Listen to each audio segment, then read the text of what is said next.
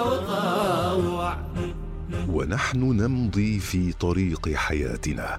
نمر على نقاط مهمة قد نغفل عن أهميتها أو تكون خارج نطاق رؤيتنا. نقط عمياء مع إبراهيم العجمي.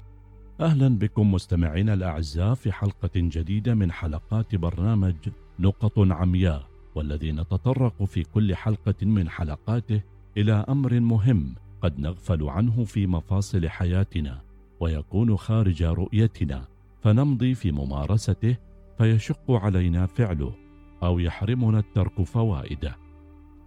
في هذه الحلقة كل إنسان يريد من الآخرين أن يمضوا في طريقه وكل راع يتمنى من رعيته أن يتبعوا طريقته في الحياة وبالتالي كل مسؤول أو رئيس أو مدير يريد من مرؤوسيه أن يسيروا في كل شيء كما يريده هو وكما خطط له ولكن قد يغفل الإنسان الراعي أو الرئيس عن أخذ رأي أي من أعضاء فريقه أو أنه يتمنى لو أن احدا منهم لا يغير أي شيء أو يقترح أي اقتراح ظنا منه أن طريقته صحيحة في الإدارة حيث بذلك يتم تنفيذ رؤية المؤسسة بشكل الصحيح والكامل غافلا عن أن القائد الناجح يجب أن يترك لأعضاء فريقه الفرصة لأن يتركوا بصمتهم وفكرتهم في العمل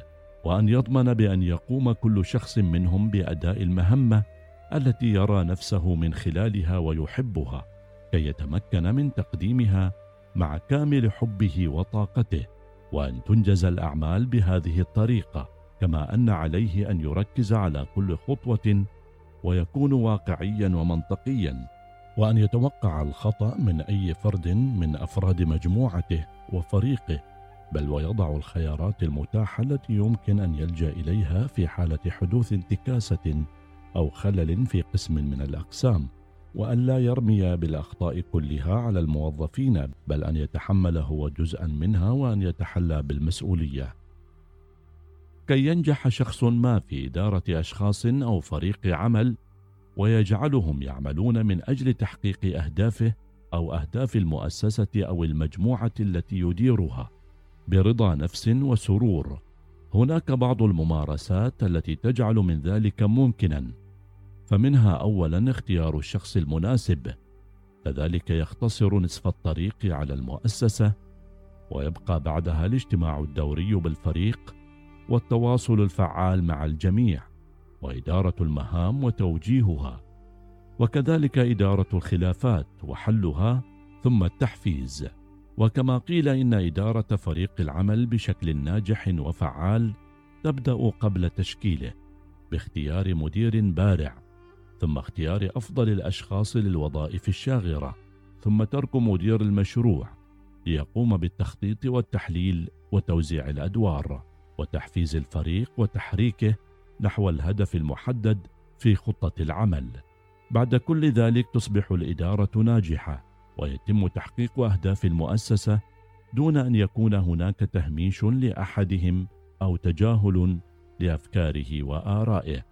وإعطائه الصلاحيات في اتخاذ القرارات التي يراها مناسبة بحكم قربه من أفراد الفريق واحتكاكه بهم وأنه الخبير بأوضاعهم وإمكانياتهم وقدراتهم.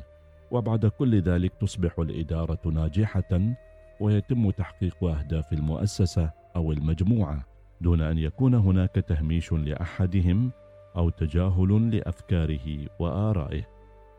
في هذه الحلقة مستمعينا الأعزاء وجهنا الضوء على نقطة من النقاط التي يغفل عنها البعض أو لا يديرون بالا تجاهها وهو أنهم يديرون الفرق والمجموعات بطريقة لا تسمح لأفراد المجموعة أو الفريق بإعطاء الرأي أو الاقتراح ومشاركتهم في إدارة المجموعة. ظنا منه أن ذلك يسهم في تحقيق أهداف المؤسسة بشكل أفضل. على أمل أن نلتقي مع نقطة أخرى من نقط عمياء. إلى اللقاء. نقط عمياء مع إبراهيم العجمي يوميا في الأوقات التالية السابعة وخمسة عشرة دقيقة الثانية عشرة وخمسين دقيقة الثامنة وعشرين دقيقة. نقط عمياء يأتيكم برعاية بي إم دبليو. استمتع بعروضنا المميزة على جميع السيارات خلال شهر رمضان. واحصل على فرصة الفوز بسيارة Z4.